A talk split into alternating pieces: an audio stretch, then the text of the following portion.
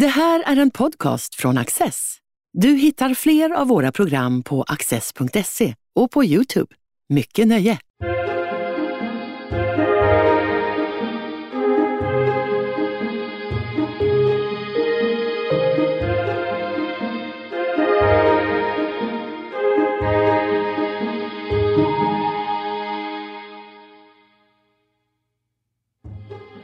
Hur mycket förstår vi av vad som händer på nätet?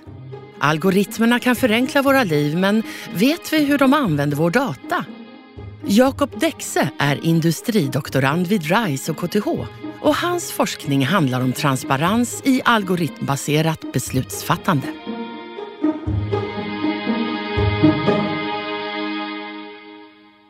Jakob Dexe, välkommen hit. Tack så mycket. Låt oss börja vid titeln för din avhandling. Vad är transparent men oförståeligt?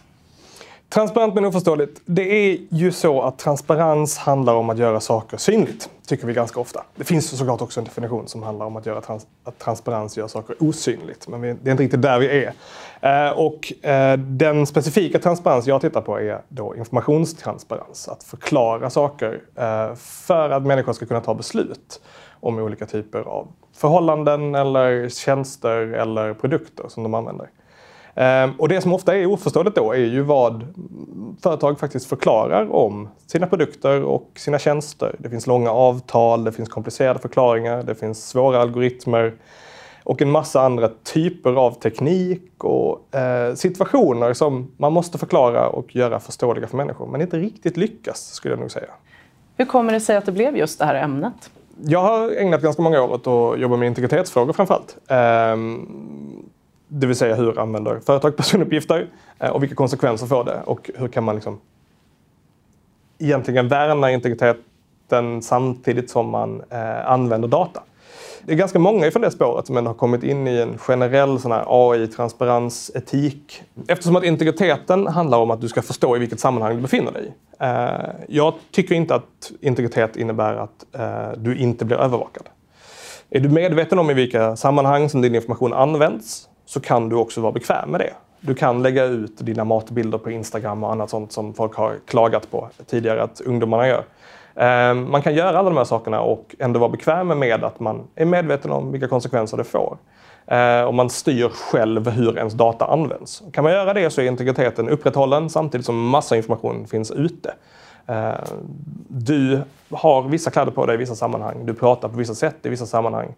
Eh, ett exempel jag brukar använda är att eh, om du befinner dig på en strand så har du förmodligen eh, lämplig klädsel på dig på den stranden. Du har valt själv vad du har på dig där.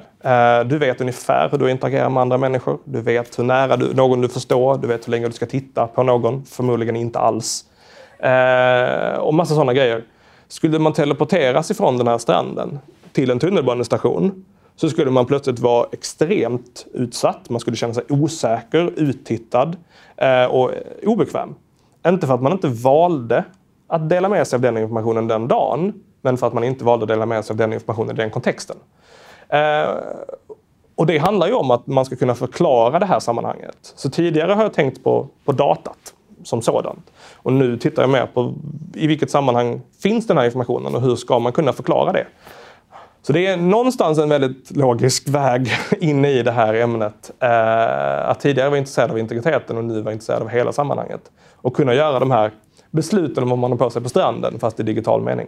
Och det här är otroligt spännande. Vi ska snart djupdyka ner i din forskning. Men jag skulle vilja prata lite om dina källor först.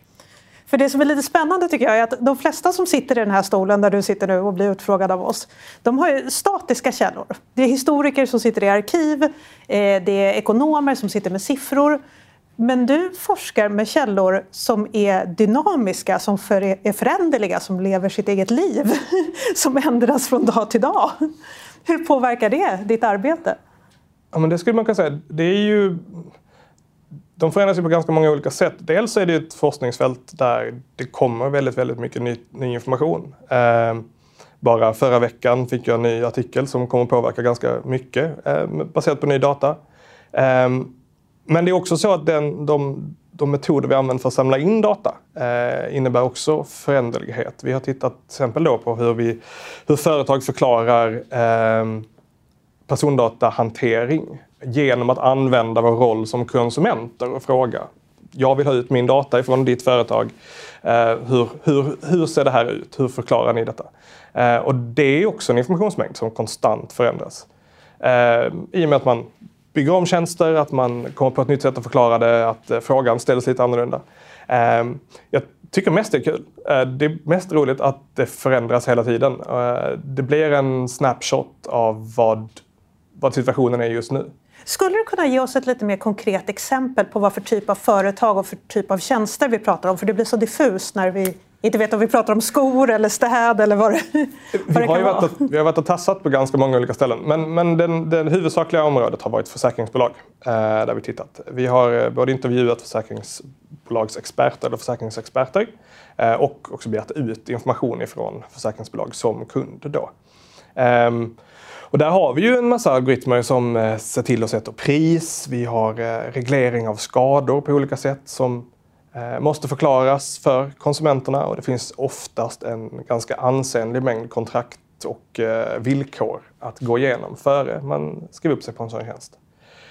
Så det, det har varit det huvudsakliga studieobjektet har varit försäkringsbolag. Men sen har vi varit inne och tittat på ett ganska brett segment av konsumentvända företag även i andra sektorer allting ifrån gym till eh, klädbutiker till eh, matvarubutiker eh, och begärt ut sån här information. Förr hade man ju alltid ett medlemskort för varje sån här plats för gymmet. För kanske när man går och handlar på en klädaffär och så. Men nu har man börjat visa upp sitt personnummer istället. Man, de ropar upp för så här, ja, ber om personnumret helt enkelt för att hitta en. Vad skulle du säga, är det har det blivit farligare med, utan de här plastkorten vi hade förr? Jag tycker inte nödvändigtvis det har blivit farligare. Det som jag forskar om och det som konsekvenserna blir av det jag, det jag tittar på är ju att vi måste kunna förklara vad, hur den informationen används. Eh, till syvende och sist så handlar det om att människor ska kunna ta beslut, medvetna beslut om, om vad som händer med deras information. Eh, och har du ett eh, kort som du går med till butiken så ska du veta vad som händer med det kortet när du använder det det loggas ju fortfarande köp, det loggas ju fortfarande uppgifter till det här kortet. Um, på samma sätt så ska du kunna veta vad som händer med ditt personnummer när du, när du loggar in med det eller när du anger det uh, i, ett, i en butik. Vad kan så det handlar, det handlar mer om att förstå sammanhanget än att någon specifik uppgift är känslig. Um, och förstå att det sammanhanget kanske är säkert eller inte säkert. Men tycker du är något intressant på spåren där. För att, eh, alltså problemet eh, som du belyser det var att man stod kanske i en kö i en butik och så ropade man ut sitt personnummer eller sitt mobiltelefonnummer så vem som helst kunde höra. Problemet är att nu gör vi ju likadant men vi gör det på nätet. Och jag kan tycka att som konsument så är det så svårt att veta vad jag lämnar efter mig som är harmlöst och vad som inte är harmlöst. Mm. Alltså jag kanske ska köpa nya skidor och då googlar jag skidor och så genast får jag upp annonser för skidor. Jag kanske ska köpa hundmat, det kan vara vad som helst. Och det känns ju harmlöst. Mm. Men är den samlade bilden som jag lämnar efter mig verkligen helt harmlös? Äh, finns det någonting som är helt harmlöst? Det vet jag inte riktigt. Men en annan sak att, att säga med anledning av ditt exempel är att när vi, när vi står i den här kön och ropar ut vårt personnummer det kanske är dumt. Och vi känner nog det om vi skulle så här, stå där, där det finns 20 personer bakom oss och så, så ropar vi ut vårt personnummer och frågar any takers?” liksom. eh, det, det, det, är ganska dumt, men då har du också en förståelse för att du gör detta. Du höjer rösten, säger någonting rakt ut. Du formulerar ord som du vet betyder vissa saker och du vet att det står 20 personer bakom dig och lyssnar. I den fysiska världen så känner vi till de här relationerna. Vi vet att folk kan höra oss. Vi vet vad vi delar med oss av, typ i alla fall. Vi kan också se om någon, någon eh, reagerar på det vi säger med avsmak eller glädje eller någonting annat. Vi, vi får ganska mycket indikationer på vad som händer eh, i den fysiska världen. Vi har inte riktigt lärt oss det där i den digitala världen. Vi har mycket svårare att förstå det sammanhanget vi befinner oss i. Vi vet inte om vi befinner oss på ett torg, eller i en butik eller i ett privat rum. Eh, vilket gör att förklaringar online, så som jag har eh, studerat det, kräver väldigt mycket mer. Det kräver en annan typ av pedagogisk insats för vi har inte den intuitiva förståelsen för sammanhang online. Um, och det är ett stort problem. Och det, där behöver det göras mer och det, jag hoppas att, vi, att jag hjälpt till att komma en bit vägen dit. Ska man skilja på vad som är en säkerhetsrisk för en själv och för hela samhället skulle du säga? Det beror nog lite grann på vilket perspektiv man lägger an. Eh, som konsument så tycker jag nog inte det. Ehm, du ska nog göra dina val utifrån vad, vad dina preferenser är eh, och ditt, ditt förståelse. Däremot, ett annat perspektiv som också finns i, i avhandlingen i min forskning är ju utvecklarperspektivet.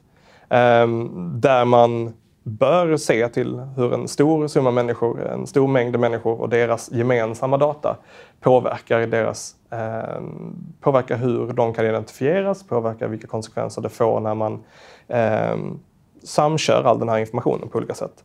Så det, ja och nej, självklart, som alla andra forskare. Men eh, i olika roller så finns det här perspektivet på olika sätt. En ytterligare annan roll är då eh, lagstiftare, där man självklart ser till försöker bygga i den, eh, individuella rättigheter utifrån att få en bättre kollektiv situation. Men om du tar till exempel en app som TikTok, förlåt nu eh, fastnar jag på samma ämne här, eh, som du kan använda själv utan att jag antar att det är någon större säkerhetsrisk för dig själv. Den samlade datan hamnar mm. ju ändå i Kina. Som är, hela den här mängden data faktiskt i slutändan kan utgöra ett säkerhetshot för i princip vilka länder som helst. Eh, borde man inte då kanske begränsa det privata användandet och titta på det så? Jag tror att i, i fallen när det kommer till eh, teknik som kan användas problematiskt och där det är framförallt där det är konsumentriktad teknik så är det ju klart att det är som i annan typ av konsumtion också. Att du, du väljer ju att, att, göra vissa val. Vill du göra ett medvetet val och säga jag tycker inte att den här organisationen ska få tillgång till information, använd inte tjänsten. Um, sen finns det såklart viss typ av information där du förmodligen behöver tänka bredare som samhälle på vilka säkerhetskonsekvenser det får.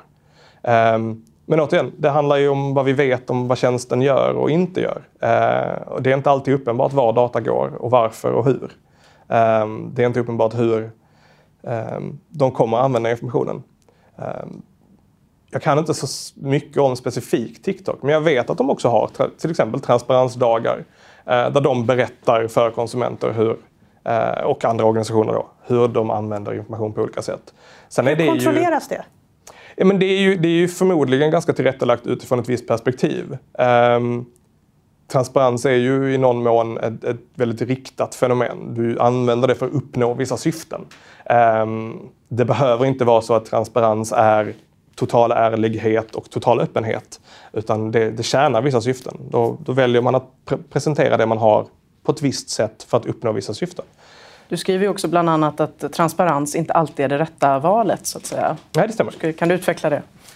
Eh, jo, men det finns ju gott om. Vi har ju pratat om personuppgifter nu eh, till exempel. Det är ju eh, förmodligen väldigt, väldigt dåligt för företag att vara transparenta med vilka personuppgifter de har. Om alla. Eh, det, det, det är dumt. Det utsätter individerna för fara och det gör ju att tjänsten inte går att lita på. Eh, bara där är en typisk grej. Eh, detsamma kommer till eh, olika typer av finansiell redovisning. Ibland så kan det vara bra att säga saker, ibland kan det vara dåligt att säga saker. Eh, det får konsekvenser. Eh, till exempel ett stort börsbolag kan inte bara säga exakt vad som helst eh, utan att det får konsekvenser på marknaden. Det handlar mer om vilket syfte du vill uppnå med transparensen än huruvida du är transparent. Eh, och där ska man vara medveten om att transparens kan få negativa konsekvenser också. Eller att det helt enkelt bara inte händer så mycket. För några år sedan så infördes ju dataskyddsförordningen. Eh, den som är mest känd som GDPR, eller Precis. ökänd kan man ju säga. En mm. del företag känner. Och den här reglerar ju behandlingen av personuppgifter inom EU. Hur mycket har du tittat på GDPR och vad har du upptäckt? För att inte vara jurist eh, har jag tittat på det extremt mycket. Eh, jämfört med jurister förmodligen inte speciellt mycket. Eh, nej, men jag har ju använt mig av GDPR i, i min forskning. Det har ju varit ett, ett verktyg eftersom att det finns en, eh, en väg att få tillgång till information om hur företag använder data. Och det finns en ett specifikt transparenskrav i lagstiftningen där företag måste förklara viss typ av information för konsumenterna. Då är det ju väldigt aktuellt för en forskare att försöka titta på hur man faktiskt gör det. Lyckas man förklara eh, hur ens tjänst använder eh, data på olika sätt och hur algoritmerna fungerar? Så jag har lagt mer timmar än vad som, som är normalt att titta på GDPR. Och hur har du gått tillväga? Hur har du gått tillväga då? När du tittat på just GDPR? Du har begärt eh, dem att ta bort Ja, en, en, en väldigt specifik eh, paragraf som finns i, i eh, lagstiftningen är vad heter det, artikel 15.1h. Eh, och det handlar om att, om att företag måste förklara automatiska, beslutsfatt, eh, automatiska beslut som fattas på personuppgifter för konsumenterna. Ehm, man ska ge, eh, som det heter, meningsfull information om logiken bakom beslut. Eh, och då har vi använt den här paragrafen, eh, skickat förfrågningar till olika företag, framförallt då försäkringsbolag men även en massa andra bolag. Och helt enkelt sagt att jag är konsument hos er. Vi har också använt lite volontärer som har kontaktat andra företag som vi inte är konsumenter hos eller kunder hos. Eh, och sen har vi använt den här förfrågan då för att säga hur, hur gör ni? Hur förklarar ni eh, den här algoritmen? Kan ni ge oss menings, meningsfull information? Eh, om logiken bakom de här algoritmerna som ni har. Och sen har vi väntat, ofta, ganska mycket väntan på att få svar. Och sen analyserat svaren och liksom försökt förstå vad det är som händer i de här. I en studie så använder vi väldigt förfrågningar eh, angående hemförsäkring eftersom att det är en ganska enkel produkt och den finns på alla försäkringsbolag. Nästan. Ehm, så därmed så har vi väldigt jämförbar data vi kan se exakt hur de förklarar. Det här har vi gjort i eh, fem olika länder i Europa. Och sen i en annan så använder vi väldigt generellt. Vi tänkte, här är en massa företag som vi tänker ha någon typ av algoritm. Vi frågar dem om vad de gör. De kan säga nej, men vi, vi, vi kollar i alla fall. Nu snuddade du vid eh, begreppet automatiskt beslutsfattande. Mm. Eh, vill du berätta vad det är för något? Ja, det är ju en ganska komplicerad fråga eh, ändå.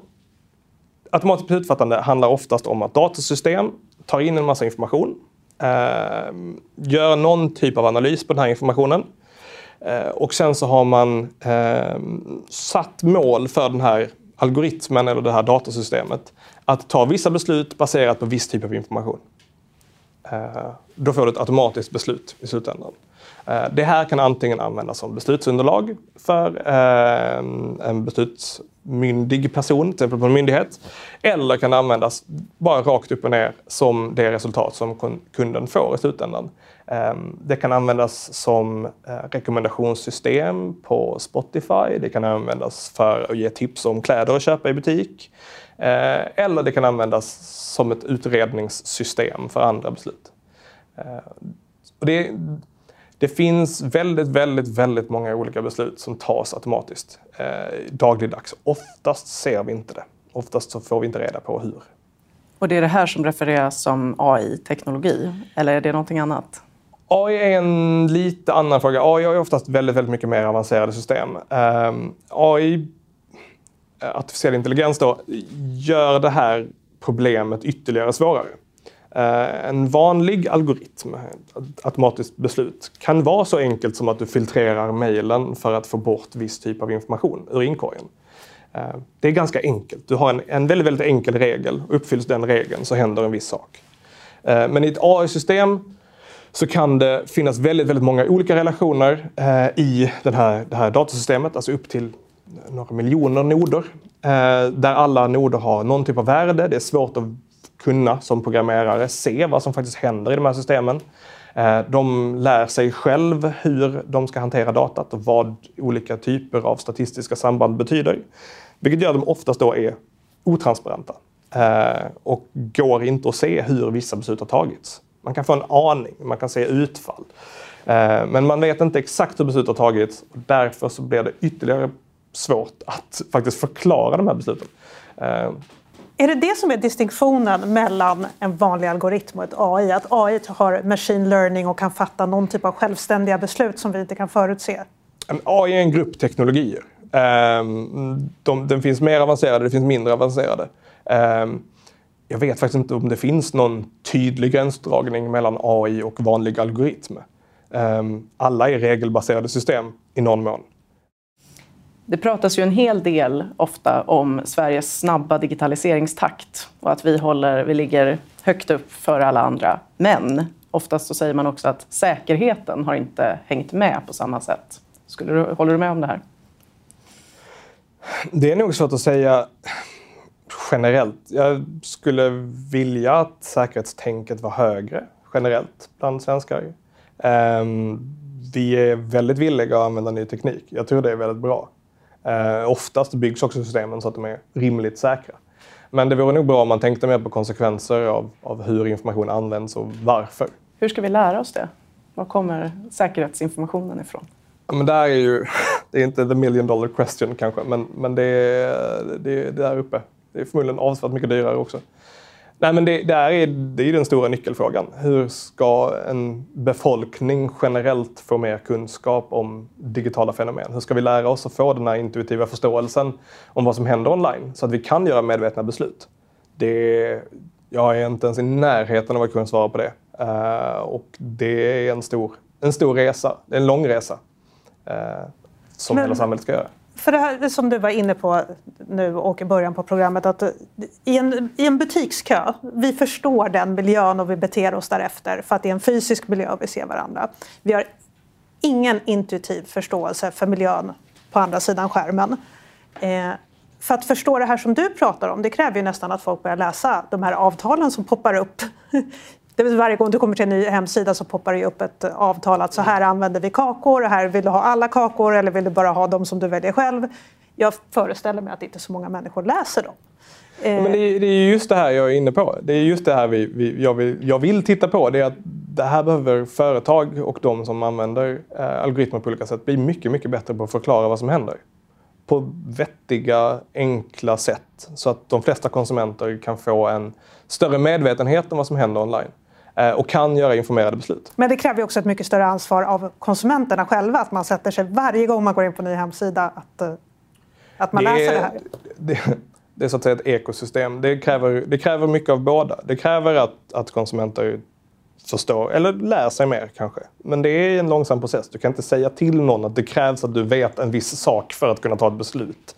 Det är inte där vi är. Eh, men för företagen krävs det en medvetenhet om att de behöver kunna Eh, svara på frågor på ett sätt som konsumenter faktiskt förstår. Eh, det handlar ju också om att man vill ju fortsätta ha förtroende från konsumenterna som företag. Eh, man vill ju inte att folk ska misstro en. Man vill ju att folk ska vilja använda ens tjänster, att man ska fortsätta köpa, att man ska fortsätta vilja använda produkterna som företaget har. Och det kräver att man har visst förtroende ifrån konsumenterna. Skulle inte det förtroendet finnas så skulle man totalt skjuta det i sank då har du inte mycket till företag kvar.